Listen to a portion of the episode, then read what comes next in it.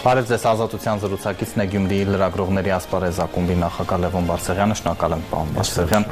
Ինչ անել Ռուսաստանի հետ, նրանք շատ բաց ասում են, որ առանց մեզ խաղաղություն հնարավոր չէ, բայց նրանց միջնորդածը իհարկե Հայաստանում տեսել են արդեն։ Խանդով է վերաբերվում ամեն անգամ։ Ռուսաստանը ըստ ամենայնի հասկացել է, որ նախկին կաղուտները որքան էլ ինքը փշոտ ձեռնոցներով փորձում է պահել իր ազդեցության տակ, բոլորը հասկացել են, որ դրանից շատ մեծ վնասներ են գալիս բոլորին ոչ միայն Հայաստանին, այլև մյուսներին։ Ադրբեջանը իհարկե կարողացավ Ռուսաստանի օգնությամբ եւ պատերազմ սկսել եւ պատրաստվել պատերազմին եւ սկսել եւ հաղթել, բայց այնուամենայնիվ հաղթանակը լիակատար չէ, որտեվ իր տարածքում հայտնվեցին նախկին գաղութատիրոջ զինված ուժերը, եւ բոլորը եւ Հայաստանի իշխանությունները ինչպիսին էլ լինեն եւ Ադրբեջանի եւ մյուսների հասկացել են որ ինչքան հեռու ենքան լավ Ռուսաստանն էլ է նկատել դա եւ ամեն անգամ փորձում է տարբեր գործիքներով վերադարձնել իր ուղեցիր նախկին կաղուտներին բանակցությունները միայն մեզ մոտ կարող են արդյունավետ լինել կոմերսանտի հոդվածն այն մասին, որ հարազատի պես զրուցում էին ճաշի սեղանի շուրջ Ալիևն ու Փաշինյանը, տեսեք, տեսեք ինչ բարի գործ ենք արել մենք եւ այլ ու ամեն անգամ ու Զախարովան արդեն լավատես են, հա, բայց միաժամանակ նաեւ շեշտում է, որ արևմուտքը մեկ է ցես խապելու է, էլի լրիվ քաղաքականությունը մանկական մագարտագի է իջեցվում, այդպիսի 17-րդ, 18-րդ դարերում մնացած գաղութատիրոջ վարքում։ Վաղուց կարծես թե պիտի հասկանային, որ գաղութներ կորցնելուց հետո հարկավոր է արտաքին քաղաքականության մեջ արմատական փոփոխություններ անել, ոչ թե շարունակել վարվել նախկին գաղութների հետ այնպես, ինչպես վարվում էին 2-3 կամ 5 տարի 500 տարի առաջ, հա։ Ինչ անել, ունենալ ավելի վճռական, ավելի բանիմաց փորձառու իշխանություն։ Առայժմ մենք այդ բախտը չունենք, ունենք այնինչ ունենք եւ ժողովրդի մանդատը ստացած այս իշխանությունը իր գիտելիքների եւ փորձի pašարով այսքանն է կարողանում անել։ Ես հերո եմ այն մտքից, թե դիտավորյալ խեղճ է պահում Հայաստանի իշխանությունը Հայաստանին։ Ես համարում եմ, որ գիտելիքների ու փորձի աղետալի եւ ինքնասածիության, մեծամտության բերումը, որ այսպիսի վարք է դրսևորում Հայաստանի իշխանությունը, շատ դժվար է, չնայած հանրության պահանջներին եւ քննադատությանը, այնուամենայնիվ Հայաստանի իշխանությունը Հայաստանը պահում է կրեմլական ուղեցրի մեջ հասկանալով իհարկե որ վնասներ կան երևի թե վախենում են մեր իշխանությունները ել ավելի մեծ վնասներ ստանալուց գուցե աչքը տեսածից է վախենում մարդկային գործոն կա տեղ բայց սարը դատողությունը քաղաքականության մեջ պիտի ավելի բարձր դերակատարություն ունենար օբյեկտիվ փաստերի շարանի քննությունը ցանկացած իշխանության մեր երկրի վիճակում գտնվող պիտի հուշեր որ ավելի վճռական է հարկավոր գործել Վարսեղյան հիմնավոր չէ այդ վախը եթե կա որ Ռուսաստանի հետ մի բան էլ հակամարտության մեջ կարող է Հայաստանը ներքաշվել եւ դուք նրանց գործիքները գիտեք ինչպես ասեք փշոտ ձեռքեր տնտեսական, ներքաղաքական, ինչու ոչ ռազմական թեկուզ Ադրբեջանի ձեռքով անշուշտ այդ ռիսկերը կան եւ այդ ռիսկերը հաշվի առնելով է որ Հայաստանի իշխանությունը այսպես է վարվում եւ քաղաքական իմաստով ինքը ունի այդպես վարվելու մանդատը օրինական ընտրված իշխանություն է թեպետ հետսեթե նվազող վարկանիշով եւ ինքը իր գիտելիքների ու փորձի ծավալով է որ այս որոշումները կայացնում է մեկ ուրիշ քաղաքական ուժ կարող էր այլ կերպ վարվել Ես համարում եմ, որ իսկապես հնարավորություն ուներ այս իշխանությունը եւ ունի դեռ ավելի վճռական լինելու ավելի կոշտ դիրքորոշում ունենալու բոլորովին նկատի ունեմ Ռուսաստանին պատերազմ հայտարարելը, այլ շատ ավելի ինտենսիվ հարաբերությունների զարգացում արևմուտքի հետ արվում է այդ ամբողջը ես խոսում եմ ինտենսիվության ավելացման անհրաժեշտությունից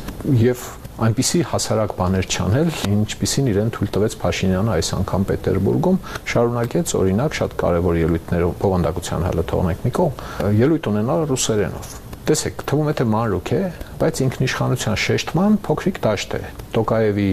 Ղազախստանի առաջնորդի ելույթը բոլորը հիշում են, ինչպես անակնկալ սկսեց խոսել ղազախերեն, բոլորը խառնվեցին իրար։ Ինչն էր խանգարում, օրինակ ելույթը ունենալ հայերեն եւ մանավանդ տեքստից կարդում էր ու Սպուտնիկ կոչեցյալը երեք քաղվածքներ էր արել TikTok-ում հրապարակել, թե որտեղ է կմկմում Հայաստանի վարչապետ Փաշինյանը։ Ջանում է տեքստը հստակ կարդալ,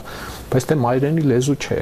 Սխալվում է, վրիպում է, բոլորի հետ էլ պատահում է, հա։ Այս հասարակ բանը հո պատերազմ հայտարարել չէ Ռուսաստանը։ Դե մի քանի այդպիսի բաներ արել են պարոն Բարսեղյան, որոնք իրավամբ քաղաքական մեսեջներ կարող են ընկալվել բոյկոտները, հապկի, թեկուս խորհրդանշական Սպուտնիկին եթերազրկելը, տեսպանին ԱԳՆ կանչելը, Հռոմի ստատուտը, բոլորը Պիտի պիտի ճիշտ այդպես էլ ընկալվի։ բայց ես օբյեկտիվ հասարակ բան ասացի, էլի, ինչը բարդ չէ օբյեկտիվորեն նաև անցալել։ Քանի անգամ է Պուտինը Հայաստանում հայերեն խոսել, ես չեմ հիշում նման թե։ Ես հասկանում եմ, որ ավանդույթի կամ քաղուտ լինելու ավանդույթի ծանր բերի տակ ենք եւ շատերի մտածողության մեջ դա նստած է մեծ աղբորը կամ, չգիտեմ, կաղութատիրոջը հոգեբանորեն ենթարկվելու կամ ենթակայացվելու ժամանակն է այդ ամբողջին նորովին այլ այսինքն հաղթահարել այդ խնդիրները Հռոմի ստատուտ վավերացնելուց հետո Պետերբուրգում հայերեն խոսելը մի բաժակ ջուր խմելու պես բան պետք է լիներ, էլի, բայց չէ, կամա թե ակամա մարդը գնում այնտեղ ցույց է տալիս, որ չէ, մենք այնուամենայնիվ ռուսական լեզվամտածողության տիրույթում ենք Մարդիկ իհարկե ավելի շատ քննադատեցին գնալը, դա ուրիշ խոսակցություն է, իհարկե տնտեսագետները կասեն։ Բայց ամի փոքրիկ օրինակ էր, որը բերեցի ցույց տալու համար, թե Հայաստանը ինչքան խորն է թաղված այսպես կոչված ԵԱՏՄ ինտեգրացիայի մեջ։ Իսկ հապկի մասով այդ վճռական քայլերից մեկը պիտի լինի այդ դաշինքը լքելը։ Ինձ թվում է, որ վերջնանպատակը դա պիտի լինի, բայց կարելի է նաև այս մեթոդով, բայց մի քիչ ավելի վճռական։ Հապկում լինելը նաև ինչ որ կերպ արգելափակում է այլոց այնտեղ մուտք գործել, որտեղ որոշումները կայացվում են միաձայն։ Սրանք հնարավորություններ են, որոնք կարելի է մանևրել օգտագործել այս բռնած դիրքը էապես ինձ դուր գալիս է հապկի մասով։ Չենք մասնակցում, բացատրություն ունենք դրա, հապկը մեր տարածքները ոնց որ թե շփոթում է, Հայաստանի սահմանը չգիտե, բայց ժամանակին ընդունել է Հայաստանին իր կազմ։ Հիմա ասում է չգիտեմ։ Հիմա կարող է Հայաստանի սահմանները ցկվում են մինչև Պայկալ լիճ կարող է մինչև Մագադան են ցկվում, ով իմանա, հա, այսինքն հապկը չգիտե։ Այս տեսակ վերաբերմունքը շատ նման է քաղաքական տրոլինգի։ Եվ ինձ դա դուր է գալիս, կարող է սխալվում եմ, էլի։ Կարծում եմ, որ կարիք չկա հենց մի ասել ստեսություն, ելակ գնացիք ստեղից, ու հետո Ադրբեջանն է անդամակցում, ճիշտ է, դա իհարկե այդպես པարզ չէ, բայց անընդհատ խեղդել նրանով, որ այս դուք ոնց որ տեղը չեք բերում, էլի հապկը ինչ է, ստորագրել այդ մտել է կտեղ եւ ոչ մի կերպ չեք ուզում հապկի գլխավոր պարտավորություններից մեկը ստանձնել ոչ զորք է պետք ցեզնից, ոչ բան ընդամենը Հայաստանի իշխանությունները խոսում են այն մասին, որ կոնե ճանաչեք, որ խախտել են այդ որն է Հայաստանի ինքնիշխան սահմանները, ինքնիշխան պետության նոմինալ սահմանները կամ 91-ի սովետի քանդվելու ժամանակվա եղած սահմանները խախտել են։ Ես էլ չեք ուզում եւ սա գործիք է, որով կարելի է ճնշել։ Ուրիշ բան, որ ես կուզեի տեսնել, որ շաբաթը 3 անգամ է Հայաստանը այդ օրինակ հայտարարություններ անում ոչ թե դեպքից դեպք առիթից առիթ, այլ parberabar տեղեկատվական հաղորդակցային ճնշումը ուժեղացնում է այս իմաստով, ու ոչ միայն հայ-ռուսական կամ հայ-հապկական հարաբերությունների շրջանակներում։ Ոչինչ չի խանգարի, եթե այդ խոսույթը տարածվի բոլոր հնարավոր գործընկեր պետությունների հետ հարաբերությունների բրիֆինգների, ասուլիսների ժամանակ։ Փակ խոսակցություններում հավանաբար օգտագործվում է, ասվում է, էլի որ հույս ունեինք, էդել չունենք կամ չունեինք ու տեսանք, որ հույս ունենալու բան չէր, բայց հրաապարական խոսույթը լուրջ ճնշում է, որը պիտի բանեցվեր։ Նաև իհարկե ռոպագանդայի թեմ խոսակցություն շատ վաղուց պիտի արվեր։ Ես ավելի ավելի պրոակտիվ հայաստանյան իշխանություն եմ պատկերացնում, ինչին վախենամ այս իշխանության ոչ կամքն է զորում, ոչ գիտելիքների pašարը։ Մյուս կողմից պարոն Բարսեղյան, երևի պետք է համոզված լինեն, որ արևմուտքը այդ դեպքում միայնակ չի թողնի Հայաստանը, գուցե Ադրբեջանի հետ էներգետիկ շահերը ավելի ծանր են կշռքի այդ ընդհանրապես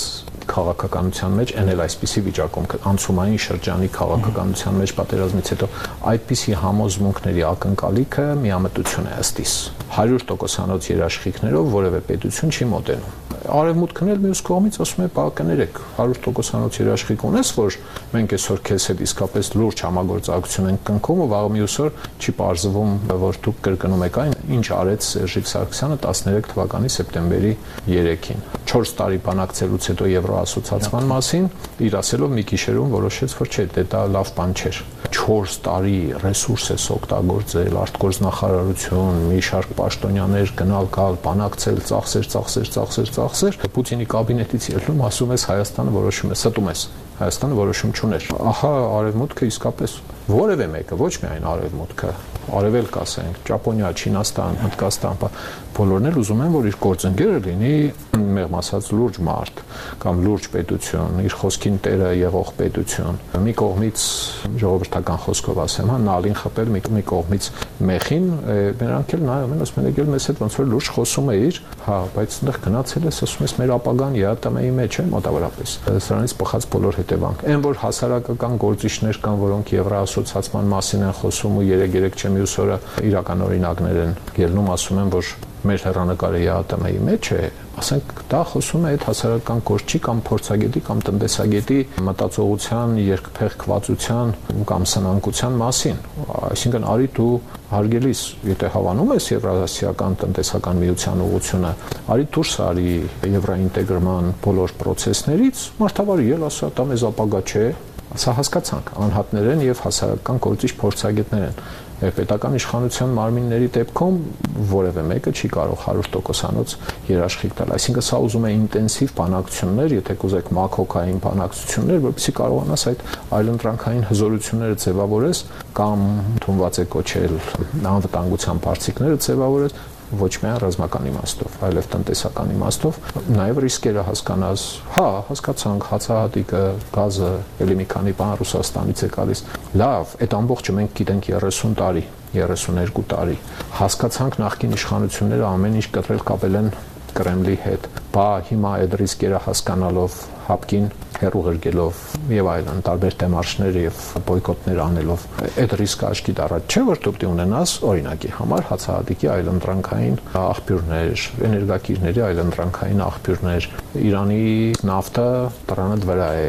հնարավոր չէ 5 տարում կամ հիմա սկսել սարքել մի նավթավերամշակման գործարան, որը նավթից կտա բոլոր այն ապրանքները, որոնք պետք են Հայաստանի տրանը վրա ճարելու համար։ Ախր այնքան բարդ չէ սա ցանկացած մեկի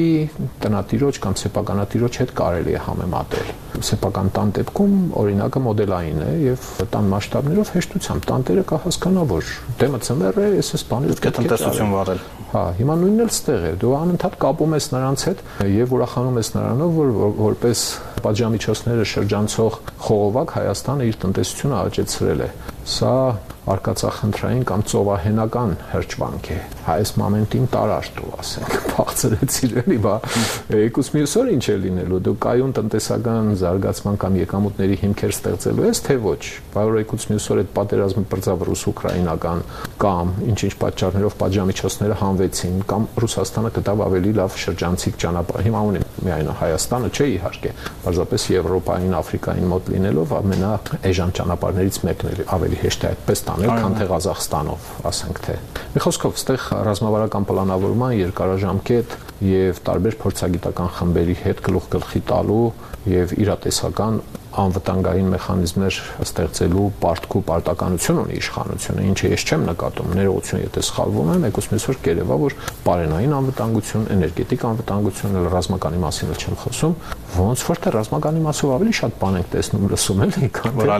բարենային տնտեսականի։ Գալով դատական բարեփոխումներին, այժմ պաշտոնավարող 309 դատավորներից 200-ը նշանակվել են 2018-ի հեղափոխությունից հետո բարձրագույն դատական խորհրդի նախագահը ասում է սա ինչով վեթինգ չէ 200-ի մեջ են նրանք, ինչպես օրինակ մնացական Մարտիրոսյանը կամ հագակոռուպցիոն դատարանի նախագահը, որը որպես վկա լինելով պետությանը հասցված վնաս է փակել որոշ ժամանակ առաջ, որից հետո նշանակվել է այդտեղ հասարակ հարց է ցանկում այդտեղ։ Պարոն Փաշինյանը վարչապետ էր եւ հիմա վարչապետ է 19 թվականի մայիսի 20-ին այդ ելույթը ես լավ հիշում եմ, մազե մնացել անգիրանենք եւ կարելի հեշտությամբ գտնել։ Ասաց, որ երկրորդ կետով Հայաստանի դեմ մարդու իրավունքների եվրոպական դատարանում վճիռների մեղավոր դատավորները պերանացի չեմ ասում, չպիտի աշխատեն այդ համակարգում։ Հիմա այդ 200-ի մեջ, պարոն Անդրեսյան, կամ են մյուսների, որոնք չեն փոխվել դեռ։ 309-ի մեջ քանի հոգի կա,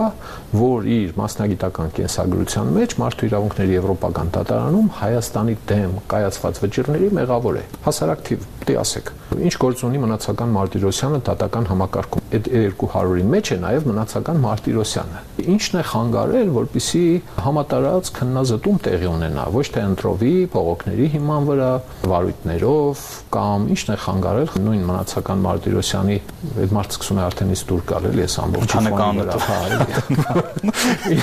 ինչն է խանգարել այդ մարդու հետ կապված գործը պատշաճ վարել ինչ որ տեխնիկական ուշացումների բացակայությունների բանով վարույթը կասեցվել է մոտավորապես այսպես իրավաբանական տերմինները կարող է սխալ եմ օգտագործել մի քիչ բայց էությունը դա էր 3-4 մաղերով